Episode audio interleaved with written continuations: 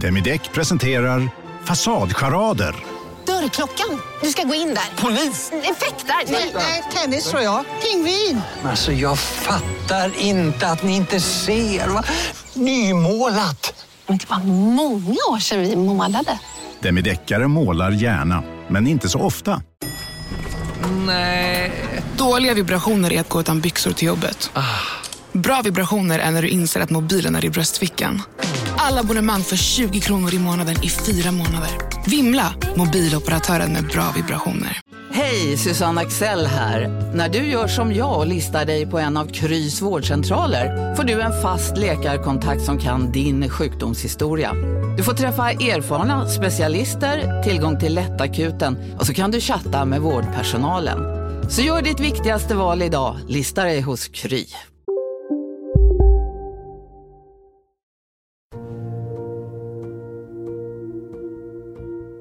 Rättsväsendet hängde inte med på 90-talet. Justitieminister Morgan Johansson. Vi träffar honom några veckor efter valet. Regeringsbildningen är fortfarande osäker och bakom sig lämnar han en valrörelse där brott och straff, otrygghet och organiserad brottslighet stått högt på dagordningen. Det här borde naturligtvis ha kvävts i sin linda redan, redan då. Eh, Men eh, man, eh, man tog inte de initiativ som man behövde göra. Enligt Morgan Johansson började problemen redan för 25 år sedan och samhället hängde inte riktigt med. Som född och uppvuxen i nordvästra Skåne minns han själv när de första mc-gängen kom till byn. Jag minns mycket väl när Hells Angels och Bandidos etablerade sig i Hasslarp och Kattarp, två stycken mindre byar mellan Ängelholm och Helsingborg. Eh, och, näst, och det här var 1993, det är 25 år sedan. Nästan omedelbart så började de ju att, eh, inledde de, de någon slags eh, krig mellan sig. På olika spektakulära sätt. Eh, Bandidos till exempel bröt sig in på ett, ett, en, en gammal sån och, och tog då eh, både automatvapen och, och eh, sprängmedel och eh, till och med pansarskott i det läget för att ge sig på Hells Angels Nej. Det här var 25 år sedan och det här, är, och det här var Hells Angels och Bandidos.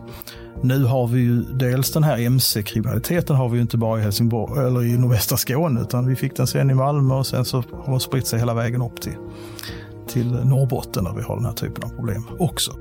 Östberganätverket är något annat än det klassiska mc-gänget men Morgan Johansson menar att dagens situation hade kunnat se annorlunda ut om bara samhället omedelbart vidtagit åtgärder. Om man inte gjorde det då, ja då får vi se till att göra det nu. Alltså, för om det här ska fortsätta så här, då kommer vi ju till slut att ha en situation då, då det här blir rent systemhotande. Det vill säga, just när du får utvecklingen att folk inte vågar anmäla brott eller vågar vittna, ja då, då är det ju bara en tidsfråga innan vi också får, får eh, en, en utveckling där de här gängen ger sig, i ökad utsträckning ger sig på polisen, ger sig på domstolarna, eh, hotar myndighetspersoner i ökad utsträckning och så vidare. Idag har problemet växt så avsevärt att justitieministern ser det som sin viktigaste kriminalpolitiska uppgift. Och det där är, det är väldigt farligt. Så därför sätta in de resurser som vi behöver för att kunna knäcka det här och ta fram den lagstiftning som polisen eh, och åklagarna behöver för att kunna, kunna få bukt med detta. Det är, det är, en av de, det är den viktigaste kriminalpolitiska uppgiften som vi har. Och i oktober 2017 ska Morgan Johansson i sin roll som justitieminister få anledning att besöka Östberga. Han har läst Federico Morenos reportage om stadsdelen. Där skildras bland annat det som kommer bli det nästa mordet i konflikten. En attack mot hela Östberga, som Federico säger.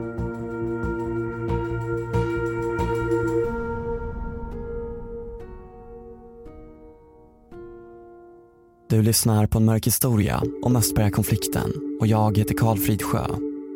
Del 4. Rent systemhotande.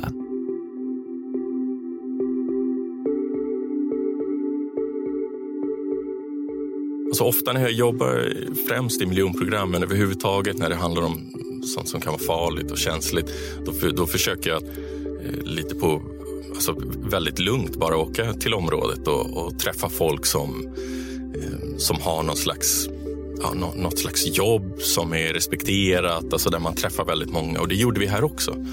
Vi Vi åker dit och kommer till eh, en samlingsplats, en fritidsgård.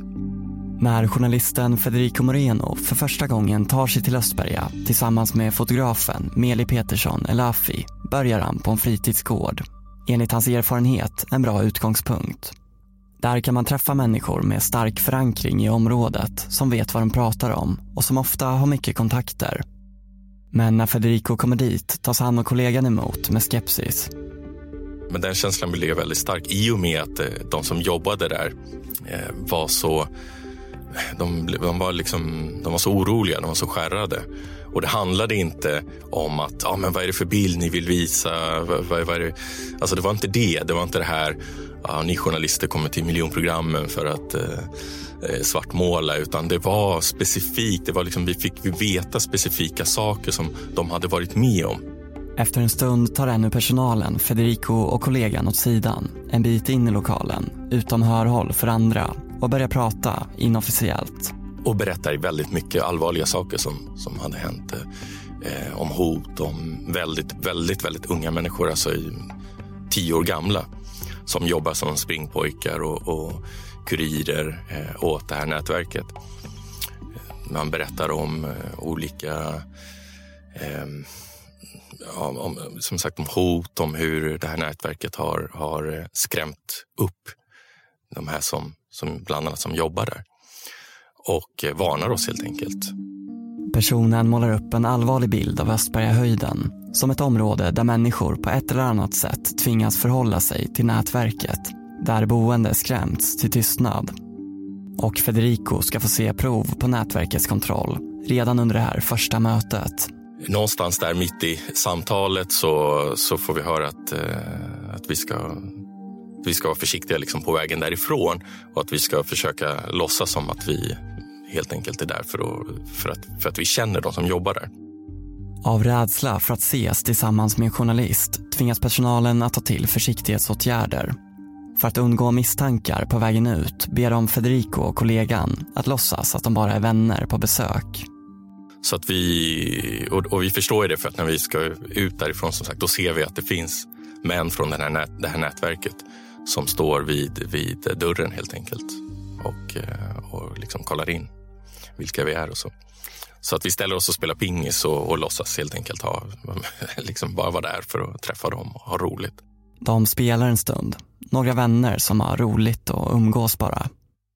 Eh, och på vägen därifrån så, eh, så alltså hälsar de som jobbar och de hälsar på oss liksom med, med på ett sånt sätt som att typ så, men ha det bra kompis. Liksom. Um, det blir väldigt tydligt och de säger det själva också när vi håller på och spelar. Men kolla bakom dig, förstår du varför du måste vara försiktig här? Liksom. Det handlade kanske inte så mycket egentligen om, alltså om att de var rädda för vår säkerhet utan faktiskt för, för sin egen. De visste att de själva var kontrollerade.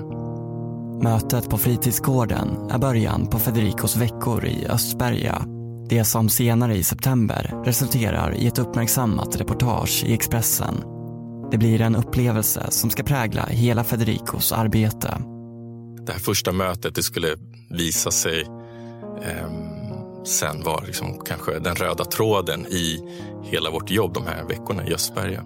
Liksom att Östberga var inte som något annat jag hade gjort innan.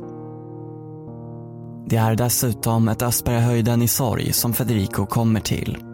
Bara någon vecka tidigare har nätverket förlorat ytterligare en av sina medlemmar till konflikten.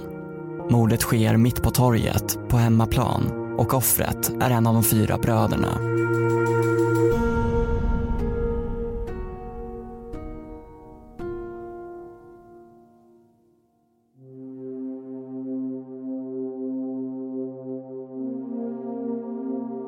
Det är en sommardag, augusti 2017. På Östbergahöjdens förskola börjar det snart bli dags för hämtning. Vid rutschkanan och fjädergungorna springer barnen och leker.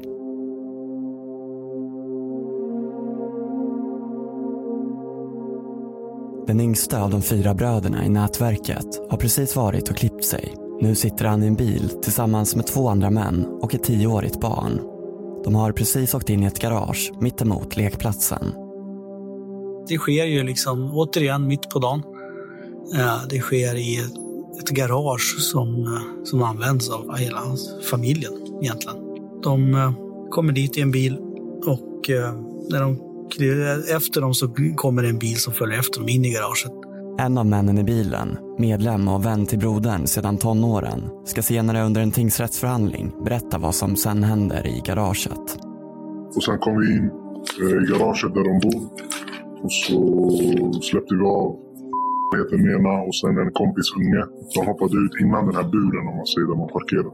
Innan den yngste brodern ska fortsätta in i den gallerbur som omger parkeringsplatsen släpper han av de övriga passagerarna. Vännen hjälper brodern att parkera bilen i den trånga buren. Ingen av dem tänker på Toyotan som följt efter dem in i garaget. Och jag gick in i buren för att leda in utan skulle slå in med kanterna på däcket. Och då från ingenstans kom det in en bil och han hoppade ut och började skjuta mot oss. Plötsligt börjar automateld eka mellan betongväggarna det visar ju också, återigen. Liksom. Man, man alltså jag tror att man struntar fullständigt i om det är någon annan som stryker med. Så länge man får där man ska ha. Så blir det andra som blir skadade eller det händer andra grejer. Då, det känns som man skiter i det faktiskt. Och det är ju helt horribelt. Det är en dagisklass som sagt var utanför som springer och gömmer sig i någon liten bod och låser in sig. Bakom gärningsmannen utanför garaget tvingas förskolepersonalen handla snabbt. De ska senare beskriva sin rädsla för Federico Moreno. De hör skotten och eh, tar genast eh, tag i de här kidsen som de har ute liksom mellan ett och fem år eh, och eh, föser in dem, liksom, eh, gömmer sig i ett eh, förråd. Ett litet förråd. Utanför den trånga, fönsterlösa boden fylls luften av en distinkt doft av krutrök. Brodern har träffats av flera skott när gärningsmannen tömt magasinet mot bilen. Flera träffar huvudet. Den beskrivningen av, av liksom att, att uh, ha ansvaret över småbarn från området och behöva fly in i ett förråd och inte veta vad som händer egentligen. För det här var ju också strax, alltså bara några månader efter terrordådet liksom på Drottninggatan. Eh, så att de, kunde, de visste inte, plus allting som hade hänt redan. Det var, är det terrordåd? Är det kriminella som skjuter? Ehm, de var tvungna att hålla barnen lugna, sitta där i mörkret och sjunga sånger. Eh, samtidigt som de visste inte om det skulle fortsätta skjutas. Den tredje mannen träffas i benet när han flyr platsen tillsammans med tioåringen. De ska båda överleva attacken Kvar i garaget är broderns vän. Det var millimeter ifrån. Han har hamnat mellan bilens front och betongväggen. Han ligger på marken. Under bilen ser han gärningsmannens fötter närma sig. Killen gick fram till mig efteråt och la automatvapnet mot huvudet men skotten var slut så det... Ja, och så gick han ifrån. Ska jag förstå det som att du har haft ett automatvapen riktat mot ditt huvud som klickar? Ja. Och det är därför som du överlever? Ja i ett parkeringsgarage mitt på dagen, mitt i Östberga. Det, är liksom, det finns många aspekter på det här mordet som är... Man förstår att det här kommer ju bli följdeffekter. Alltså det här är, det är på deras hemmaplan. Det är liksom lillebror som alla mån om, som alla tar hand om. Um, ja, mycket aspekter i det hela som är helt galna. Det finns eh, eh vittnen om, som säger att eh, mördaren då sen går tillbaks väldigt lugnt till bilen. Jag har ingen brådska alls. Eh, han ska ha gått därifrån leende och eh, satt sig i bilen och kört eh, väldigt, väldigt eh, lugnt och långsamt därifrån. Liksom.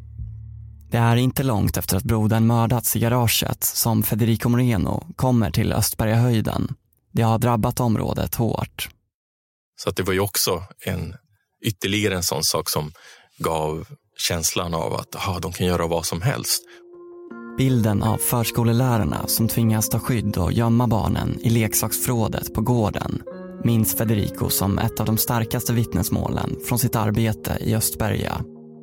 Förskoleläraren som berättar hur de i sken av en mobilficklampa sjunger sången En liten båt för att lugna barnen medan skotten ekar utanför. Det var väldigt drabbande, men också när de sen beskrev hur situationen hade varit efteråt. Alltså att det hade varit mycket poliser några dag, alltså under några dagar. Men sen, eh, som på en given signal, så fanns det inga poliser överhuvudtaget, åtminstone synligt. Eh, och då var det, då var det, de här, då var det gänget liksom som, var, som var ute och, eh, och sörjde, så att säga. Och så hade man ju tänt ljus alldeles i närheten av, eh, av den här förskolan. Så att barnen var ju, de gick ju hela tiden förbi de här ljusen och frågade vad är det som har hänt här. Och de såg ju folk som, som stod och grät och under, en, under en lång tid. Tiden efter mordet finns en frustration i luften och mordplatsen, får Federico berättat för sig, blir en plats dit personer med koppling till nätverket kommer för att visa sin sorg. Deras närvaro är hela tiden påtaglig för barn och personal på förskolan. Eh, och så beskrev personalen också någonstans att när de kände att men nu måste vi kunna gå vidare också med, som, som arbetsplats, för det stod ju folk utanför hela tiden och var arga och var ledsna. Eh, så de bad ju eh, bostadsbolaget liksom att kan ni flytta, flytta på de här ljusen och så. Just, nu? Eh, och, och, eh, och, just det här att bostadsbolaget, alltså, person, alltså de, de eh, vågade inte helt enkelt. Det var också väldigt speciellt. Det var många sådana här detaljer som det här. Förskolepersonalen som måste förhålla sig till det här, som måste skydda barnen. Bostadsbolaget som inte riktigt vågar. Eh, det var många sådana detaljer som, eh, som eh, helt enkelt tillsammans, liksom, det var pusselbitar som gav bilden. Liksom.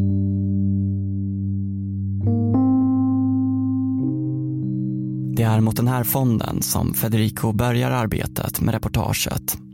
I svallvågorna av en dödsskjutning som han menar är en tydlig maktdemonstration, inte bara riktad mot nätverket. I allra högsta grad. Det var ju ehm, eh, både för nätverket men också för andra boende i området. Och det är klart att det är delvis, för vi kommer ju dit strax efter det här. Eh, så delvis är det klart att det spelar ju också en roll i att folk, folk har en känsla av att men, vad som helst kan hända. De kan göra vad som helst och vi eh, har ingen som kan hjälpa oss. Liksom. Ja, alltså, alltså efterklokheten är en av de värre sjukdomar man kan alltså skaffa sig. Kriminolog Jerzy Sarnecki. Men man kan ju säga att om man är efterklok att vi har ju sett vad som hände i de här stadsdelarna. Vi har inte varit helt omedvetna om att vi hade en grupp unga män eh, med mycket, mycket eh, dålig förankring i, i samhället. Att vi har haft en grupp unga män som alltså levde på brott. Va? Myndigheter har enligt Jerzy Sarnecki under lång tid varit väl medvetna om problemet med dessa unga brottsaktiva män i utanförskap. En del av dem eh, hade överhuvudtaget inga kontakter med, med så att säga, det ordinarie samhället. Så det visste vi. Och det visste att det var en risk men det ingen hade förväntat sig var den plötsliga accelerationen av våld och förändringen av våldets karaktär till det mer råa, effektiva och hänsynslösa. Eh, vi visste att det här problemet kommer att, att alltså då accelerera eh, med, med alltså ökning av de här mycket, av de där mycket utslagna grupperna. Men eh, våldsam, graden av våld som, det, som, som har uppstått, det har man inte väntat sig. Man kan säga att av vår forskning här i den här gruppen som ni har just sett sitter och jobbar här, vår forskning framgår också att det är ganska unikt för Sverige. Idag klassar polisen 32 stadsdelar, däribland Östberga, som så kallade utsatta områden som präglas av låg socioekonomisk status och kriminalitet. Ytterligare 23 områden graderas som särskilt utsatta. Östberga är inte ett av dem de senaste åren har media rapporterat om flera skjutningar kopplade till dessa områden. Att omständigheterna kring dödandet sällan klaras upp av polisen är förstås oacceptabelt. Uppklarningsprocenten måste höjas, betonar Sarnecki. Men det betyder ändå inte att man kommer åt problemets kärna. Men det här löser problemet bara Delvis, va? därför att, så att säga, livsförlopp för en sån här grovt kriminell gängmedlem eller nätverksmedlem. Det är inte alltid så att det är någon sorts sammansatta gäng, rätt ofta så är det ganska löst sammansatta nätverk. Eh, en, en, eh, en, en, period då den här typen av personer är aktiv är kanske fem, kanske på sin höjd tio år. Va? Eh, de som är för 30 ytterst säljs, alltså förekommer mycket sällan i de här sammanhangen. Va? Så det här är ju på ett sätt ett övergående problem. Antingen så dör de eller så kommer de att lägga av på grund av att de blir för gamla och det, det, är, ganska, det är ganska tidigt i livsförloppet. Frågan är hur ska vi göra för att det ska inte komma nästa generation och nästa och nästa. Va? Och där behövs ju förstås helt andra typer av åtgärder än polisiära. Va? Det handlar om mödravården, det handlar om barnavården, det handlar om dagis, det handlar om stöd för människor med psykiska problem, det handlar om arbete rätt mycket för föräldrarna till de där ungarna. Det handlar om livaktig, eh, så att säga, eh, föreningsliv, det handlar om skolan förstås och allt det här. Enligt Jerzy är nyckeln därför att förebygga och inte tillåta det utanförskap som präglar de socialt utsatta områdena. Det, det, handlar alltså om att inte tillåta att en ny generation unga människor kommer att stå lika kraftigt utanför samhället som den där generationen som nu håller på att döda varandra.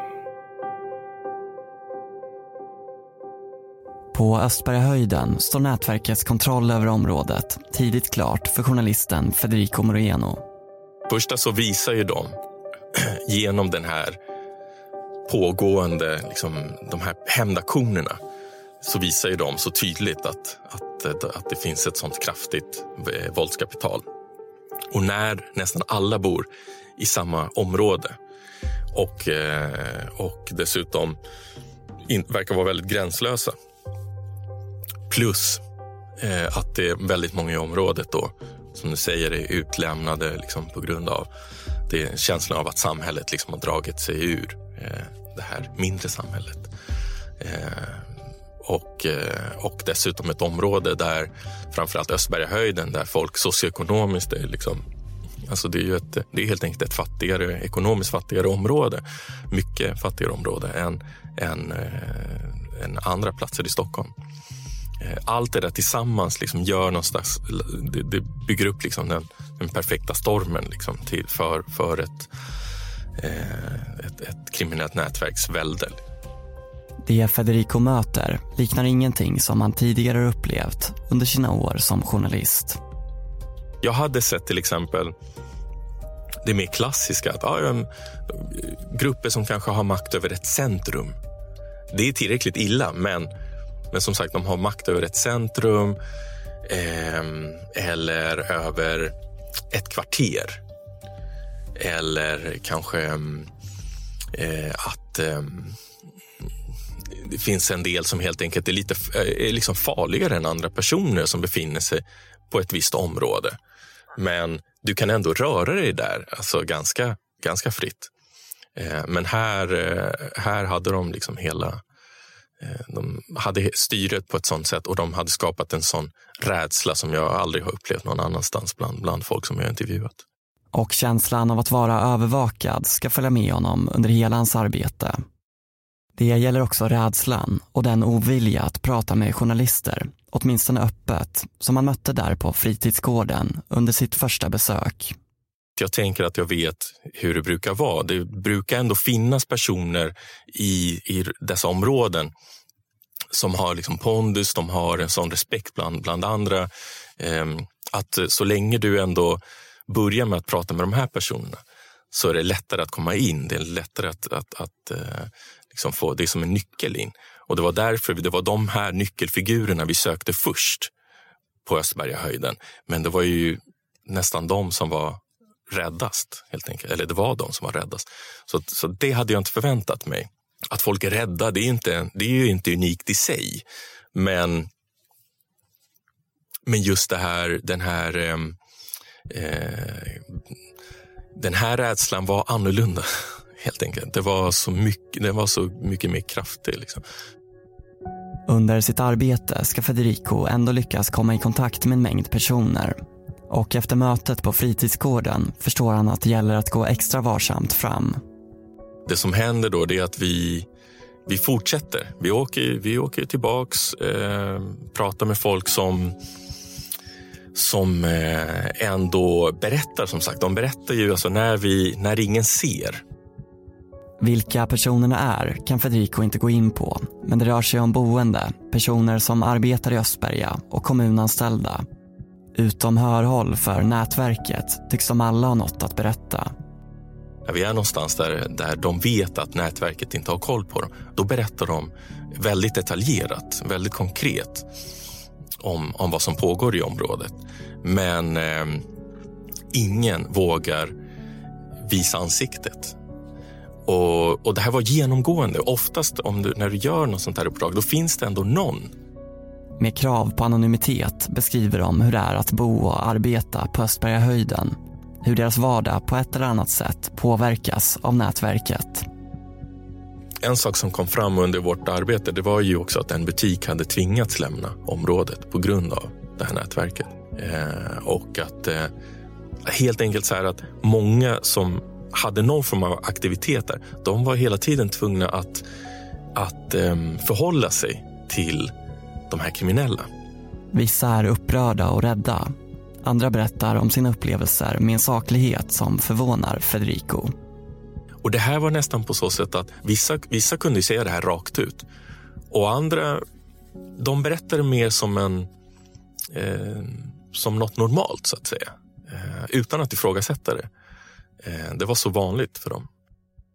Men ingen av dem han pratar med vill ställa upp med namn eller på bild. Oftast om du, när du gör något sånt här uppdrag, då finns det ändå någon. Det där var för att uppmärksamma er på att McDonalds nu ger fina deals i sin app till alla som slänger sin takeaway förpackning på rätt ställe. Även om skräpet kommer från andra snabbmatsrestauranger som exempelvis Ma... Eller till exempel Burger... Bara på Storytel. En natt i maj 1973 blir en kvinna brutalt mördad på en mörk gångväg. Lyssna på första delen i min nya ljudserie. Hennes sista steg av mig, Denise Rubberg. Inspirerad av verkliga händelser. Bara på Storytel. Om en så vidde på väg till dig för att du råkar ljuga från kollega om att du också hade en och innan du visste ordet av bjöd du hem kollegan på middag och... Då finns det flera smarta sätt att beställa hem din sous på. Som till våra paketboxar till exempel. Hälsningar Postnord. finns någon som, som vågar syna, som vågar använda sitt namn och det är någon som, som tycker att men nu har det gått för långt. Här fanns det också de som tyckte liksom att det här, är, det här är helt galet, det som pågår. Men, eh, men ingen vågade. Ingen vågade synas, ingen vågade synas med oss. Det gjorde ju också att de till exempel de uttalade sig på ett sätt när de var ensamma med oss och på ett helt annat sätt när de var ute. Och Det som det ledde till det var, det var ju frustration från vår sida. Då. Som sagt, alltså vi, vi, vi är där för att ge liksom en heltäckande bild. Hur ska vi kunna göra det eh, om vi inte kan ha ansikten, om vi inte kan ha namn överhuvudtaget? Federico har fått ovanligt mycket tid för att jobba med reportaget.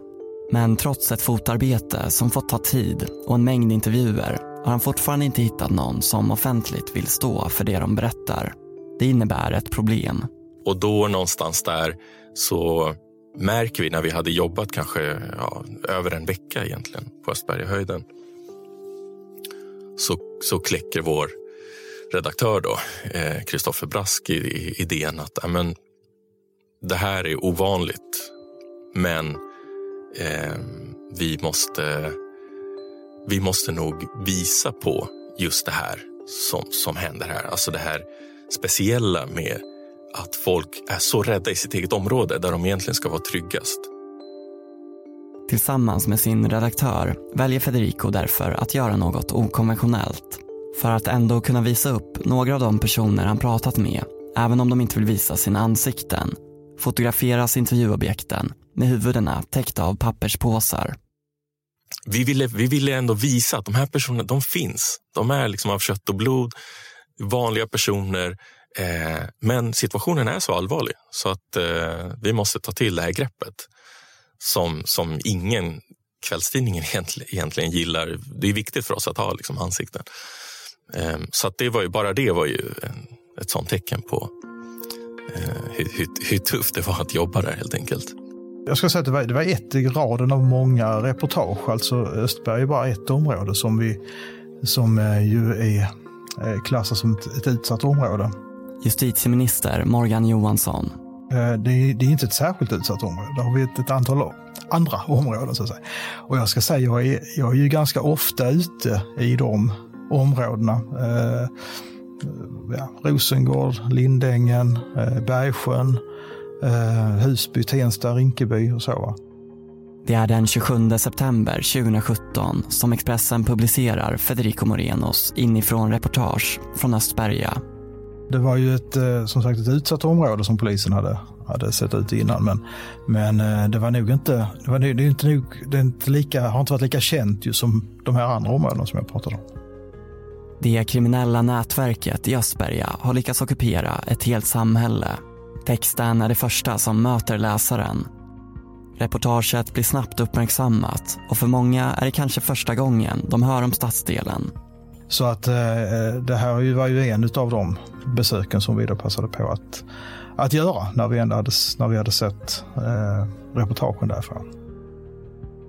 Och två veckor senare besöker Morgan Johansson Östberga tillsammans med statsminister Stefan Löfven för att se med egna ögon.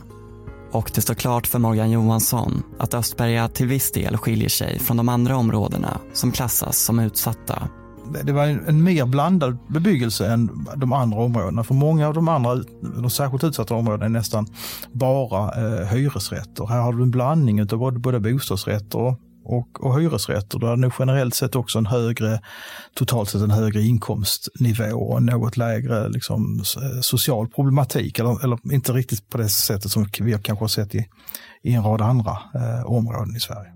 Reportaget, skriver Federico ingressen, hade inte varit möjligt utan Daniel, Maria och flera andra personer, alla med fingerade namn, som valt att berätta om livet inifrån ett samhälle där kriminella har makten det är så svårt att se att, va, eh, att, att gå runt en, om, det nu var en förmiddag, eh, vi var där tillsammans med polisen. Det ger ju en bild så att säga. Va? Om man där skulle dyka upp en, en, en, en lördagkväll eh, istället eh, kanske, eh, så får man, en helt, där, där eh, får man kanske en helt annan bild så att säga.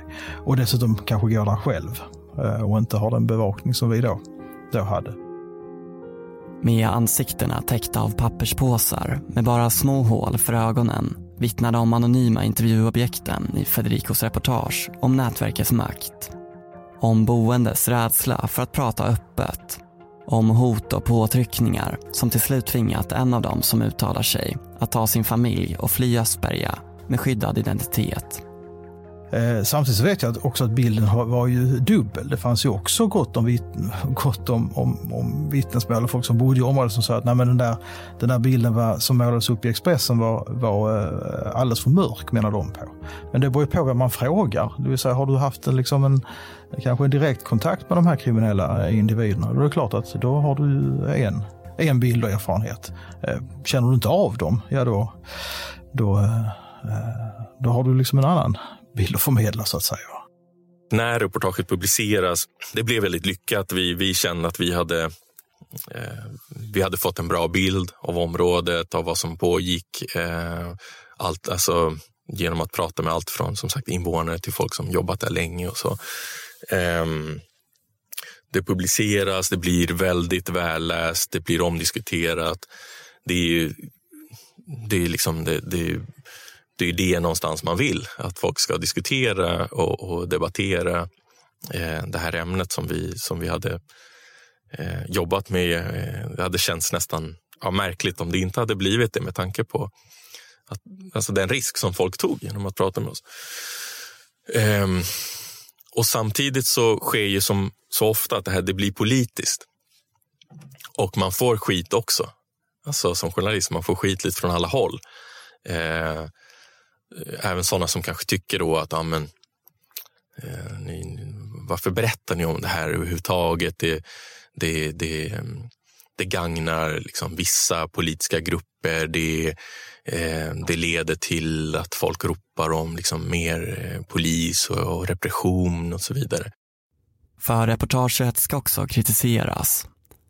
Boende i Östberga uttalar sig, bland annat i tv-programmet Breaking News på kanal 5 Jonny, eh, funderar du på att flytta från Östberga? Nej, jag trivs här.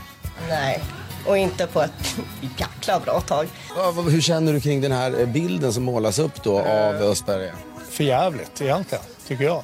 Men tycker du att det är en, en, en plats där man trivs? Oh ja, oh ja, naturligtvis. Tycker du att Östberga är platsen som Gud glömde? Också i lokaltidningen Stockholm Direkt kan man läsa om den ilska och besvikelse som reportaget väckt. Den bild som ges av anonyma vittnen iförda papperspåsar känner de inte igen sig i och menar att reportaget befäster en negativ bild av Östberga. Visst finns problem med kriminella i området, men att boende skulle vara helt i deras händer, skrämda till tystnad, stämmer inte enligt de som intervjuas i lokaltidningen.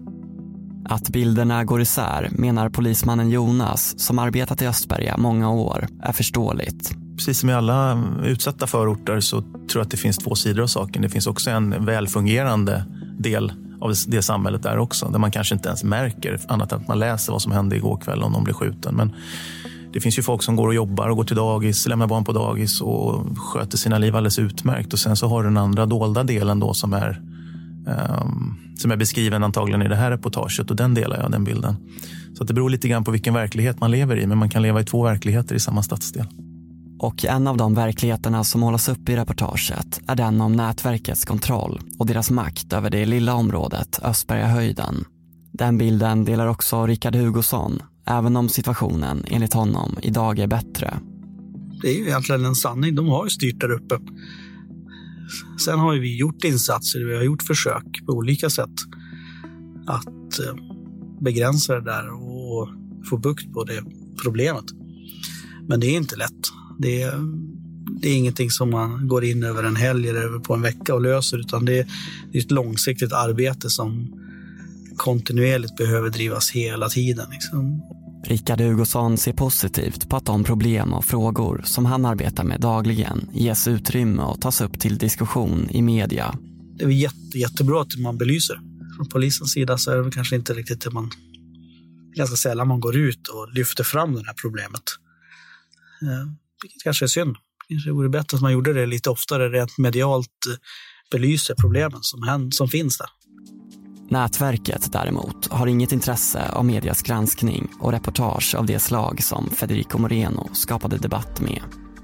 Nej, men det är klart att det blir jobbigt när, när media belyser och lyfter fram dem som ett äh, familjen, gangsterfamiljen och, som styr Östberga. Och, när man lägger fram det så, det är väl klart att det, det är ingenting som de vill ha i, i, i media. Även om Ska man vara helt ärlig så, så vet både de och vi hur det är. Liksom. Men det är klart att det stör dem. Det tror jag absolut. Det är inget av de här som vill få sin verksamhet belyst i media. Det har jag faktiskt aldrig berättat, men det, jag blev ju hotad. Och det dröjer inte länge efter att reportaget publiceras förrän Federicos redaktion tar emot ett telefonsamtal. Det kommer från en man med hög position i nätverket. Det ringde eh, en av dem ringde till Expressen. Eh, uppgav sitt namn och alltihopa. Eh, och, och, eh, eh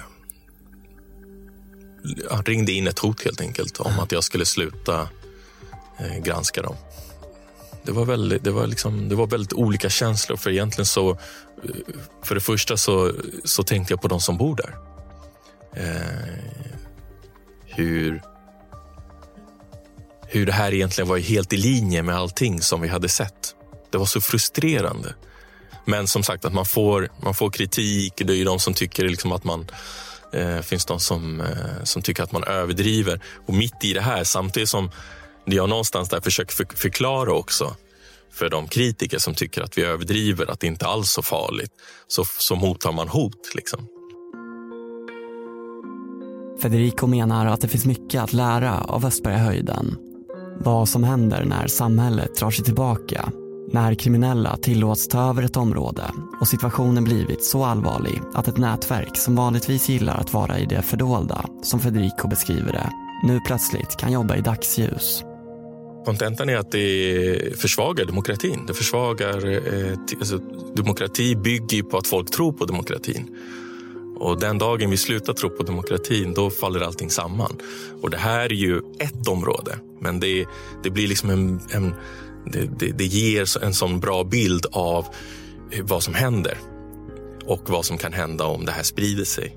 Eh, det som var viktigt för mig någonstans det var att, att visa, helt enkelt att ge de här människorna en röst. Alltså de här som, som faktiskt inte vågar, alltså av helt förklarliga skäl, inte vågar gå ut och, och, och, och prata offentligt om, om hur det är. Min, min filosofi när det gäller att ta reda på den här typen av eh, gängkriminalitet är ju att du måste se till att de som begår de här eh, brotten och är indragna i detta och som är så att säga tongivande i det här. Du måste se till att få bort dem från de här miljöerna. När Morgan Johansson kommer till Östberga tillsammans med statsminister Stefan Löfven är det framförallt för att prata med polisen, förhöra sig om hur det är att jobba i området och vad de behöver i fråga om lagstiftning för att komma åt problemet med gängkriminella. För gör du inte det, ja, då, eh, dels så kommer de ligga kvar i miljön och de kommer att störa ut allt förebyggande arbete. Om du vill jobba med sociala insatser, fritidsgårdar, inriktade på ungdomar, så att de kommer vara kvar där och störa ut det. Plus att de också kommer att utgöra förebilder för de här ungdomarna, en del av dem kanske, som, som dras in i den här kriminaliteten. Så du måste ha bort dem från gatan. Det är liksom eh, A och O eh, mm. för att kunna jobba med allt det andra. Men som också visat sig i konflikten mellan Bredäng och Östberga så är gängskjutningar en typ av brott som är svåra för polisen att klara upp. En av anledningarna till den låga uppklarningsprocenten är bristen på vittnen. Det kan bero på tystnadskultur eller som i Malins fall, en rädsla att vittna inför de åtalade. När vi har ett problem med att människor inte vågar, eh, vågar och vill vittna, då måste vi hitta andra eh, bevismedel eh, också. Det finns ju då de som säger att ja, men då, vi ska ha anonyma vittnen. Då, det finns ju en del länder som har det, men det tillämpas nästan aldrig därför att eh, de här trösklarna är så oerhört höga för när man ska få lov att koppla in anonyma Det finns ju dessutom allvarliga eh, rättssäkerhetsaspekter i det. Morgan Johansson vill inte tillåta anonyma vittnesmål eftersom han menar att ett vittnes trovärdighet måste kunna undersökas och verifieras. Det måste kunna gå att utesluta att vittnet inte har några bakomliggande motiv till det han eller hon berättar. Däremot öppnar den upp för ett så kallat kronvittnessystem. Idag kan du som brottsling få sänkt straff om du medverkar i en polisutredning och hjälper till att klara upp ett brott du själv har begått. Kronvittnessystem innebär ju att man utvidgar det och säger att också om du medverkar till att klara upp brott som andra har begått. Alltså i, om du om du är en del i det kriminella nätverket och säger, ja men Kalle Karlsson, som är också en del i det, han gjorde det här och det här och det här gjorde vi tillsammans. Om du då, om du då medverkar till det, ja då ska då domstolen kunna sätta ner straffet för dig också. Så att du helt enkelt, det, det lönar sig att samarbeta med, med polisen på ett annat sätt än vad det gör idag. Mm. Och eh, det är jag eh, också beredd att, att gå vidare med ett, ett sådant eh, förslag. Jag tror det skulle kunna öka uppklarningsmöjligheterna. Systemet med kronvittnen är dock omdiskuterat och kritiserat på liknande grunder som att tillåta anonyma vittnen. Vad som däremot har blivit en generell uppfattning bland politiker är att hårdare straff är en viktig del i bekämpningen av den grova brottsligheten. Jag ser ju att det vi har gjort under de här åren, det har vi ju lagt en, en, en bra grund ändå för detta. Vi har skärpt straffen för så gott som alla de grova våldsbrotten. Alltså grov misshandel, grovt olaga hot, eh, grovt övergrepp i rättssak. Eh, jag nämnde det grova vapenbrottet, så hur viktigt det har varit att vi skärpte där. Jerzy Sarnecki är kritisk till den politik som förs idag och att frågan om gängkriminalitet får mycket utrymme i den politiska debatten betyder enligt Jerzy inte nödvändigtvis att politiker tar frågan på allvar. Jag tycker att de tar det på allvar så tillvida att det används förskräckligt mycket i den politiska debatten. Man slår den, med den här typen av argument eh, varandra i huvudet. Där är det ju väldigt populärt att prata om, om den här typen av brottslighet. När det gäller konkreta åtgärder, där måste jag säga att det är långt ifrån eh, särskilt eh, tillräckligt mycket som görs. Va? Jag menar, det är, man kan ju prata om att höja straff för olika typer av brott. Jo, men, men hur ska vi få tag i dem? Jag menar, vem ska vi straffa? Om uppklaring är 20 procent så kommer de flesta av mördarna gå fria oberoende hur höga straff du har. Istället återkommer Jerzy till det han menar är den viktigaste lösningen på problemet, förebyggandet av brott. Att arbeta aktivt med människor som befinner sig i och i närheten av miljön för att förhindra att fler faller ner i grov kriminalitet. Kriminologisk forskning finns numera ett stort antal väl utvärderade program som förebygger brott. Eh, de här programmen för det mesta riktas till mycket små barn och till deras föräldrar, mot deras föräldrar. Det finns till exempel ett så home visiting program där en, en barnsköterska besöker riskfamiljer eh, ja, fyra, fem gånger per vecka under två års tid eller något sånt och hjälper föräldrarna med att hantera olika typer av problem. Eh, det finns alltså då ett stort antal välutvecklade metoder som kan användas på dagis. Eh, det finns ett stort antal av program som kan användas i skolan för att förbättra de här barnens möjligheter att, att inte misslyckas och så vidare. Och så vidare. Så det, det finns vi kan väldigt mycket om det här, men det är dyrt, det tar lång tid och det är inte så sexigt så att säga att man alltså då ska höja straffen nu igen.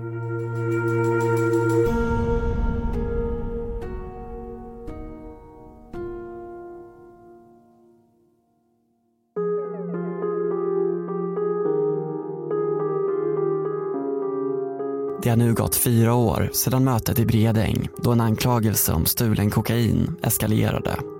Fyra mord och fem mordförsök har lämnat flera av de unga män som närvarade vid uppgörelsen mördade eller skadade. Senast mordet på Lillebron. Det var nog ett hårt slag mot, mot de här. Eh, det kan man ju förstå. Man var verkligen så mån om honom. Han var lillebror och alla tog hand om honom. Rickard Hugosson har i sitt arbete haft kontakt med den yngste brodern som han beskriver som älskad av många. Är det något, något av de här morden som har på något sätt berört mig så är det det kändes liksom som en kille som man hade kunnat, han hade inte behövt hamna i det här. Rickard jämför brodern med den unge mannen som mirakulöst överlevde skjutningen när han skulle skjutsa sin flickvän hem. Känns som ganska lugna, skötsamma killar egentligen, bara man pratar med dem individ till individ sådär. Sen att de har varit delaktiga i massa andra grejer, det är väl klart, men om man ser personen i dem så var det, ja, det kändes lite fel på olika sätt. Jag kan börja berätta med att jag har haft det ganska jobbigt efter mordet på min första bror. På Östbergahöjden sitter ledaren i sin bostad.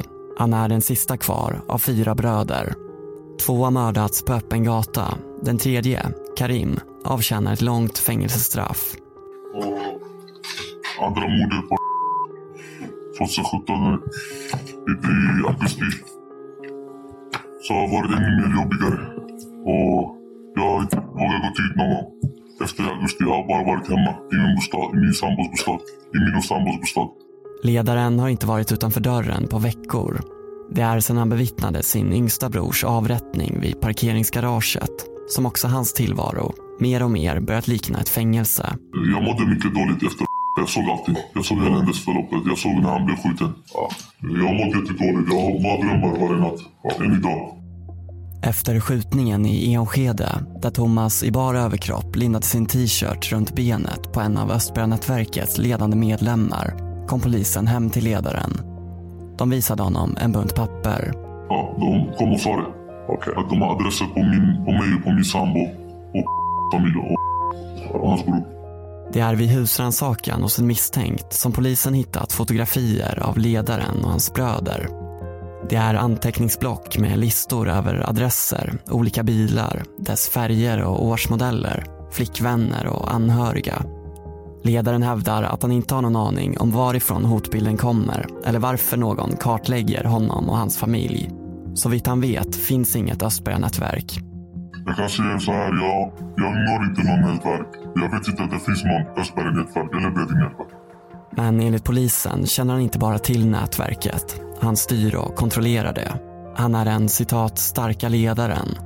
Efter polisiära insatser mot personer i hans krets har Östberga vid flera tillfällen härjats av våldsamma upplopp och bilbränder.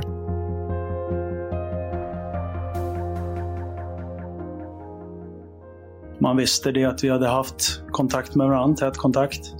Det är den 16 november som en polisman får i uppdrag att ringa ledaren. Så uh, fick jag ett uppdrag den 16 på eftermiddagen. Att eh, man ville att jag skulle ta kontakt med honom för att förklara att, att man bedömde att det fanns en, en, eh, en hotbild eller en situation som kunde bli hotfull för honom. Man har nåtts av underrättelser att det finns en akut hotbild mot ledaren och hans närmaste män. Beslut tas att varna gänget. Eh, vi pratade också om det den 16. Jag fick ju inget namn eller någon riktning vilka som, som skulle ligga bakom det här hotet då, men jag frågade i, i samtalet den 16. Om, vi pratade vilka, vilka, ja, vilka ligger bakom det här och han var ju väldigt tydlig med att det kunde bara kommit från ett håll. Och jag ställde frågan, eh, kan det vara några andra? Nej, nej, nej, nej, det finns ingen chans. Jag har bara en fiende. Och svaret. Det nämns inga namn under själva samtalet och även om ledaren senare kommer förneka det så råder det för polismannen inga tvivel att gängledaren är väl medveten om vem eller vilka hotet kommer från. Han brukar ofta hänvisa till, eh, ni vet själva, ni vet ju själva. Så har han sagt ofta. Eh, I det här fallet så, så jag inte blandar ihop dem. Han, I det här fallet, om man har sagt det strax innan, så har vi pratat om framförallt två individer. Eh, och ibland, någon enstaka gång har han nämnt dem i namn och annars har han haft något öknamn på de här individerna. Ett av öknamnen, berättar polisen, är chilenarjäveln. Det syftar på Diego, mannen som vittnet Simon kommer påträffa mördad i Bromma bara dagar efter polisens varning.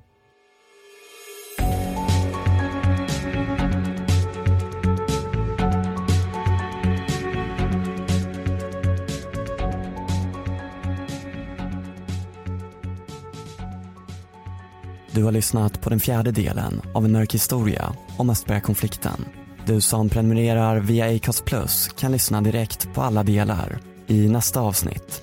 Jag insåg att det var en ganska all- allvarlig krock eh, som var medvetslös och det var blod fast eh, jag tror inte det då kopplade i huvudet att han blivit skjuten än. Det var ju skarpt läge då så att säga. Det, handlar, ju deras liv och deras hälsa det handlar om. Det är fortfarande det, det är människor. En mörk historia produceras av Joel Silberstein Hont och av mig, Karl Fridsjö. Temamusik Ola Tappert på underton. Övrig musik Epidemic Sound. Distribution Acast. Tryck på prenumerationsknappen i din podcastspelare så att du får en notis om nya avsnitt. Eller följ länkarna i avsnittsbeskrivningen till våra sociala medier. Tack för att du har lyssnat.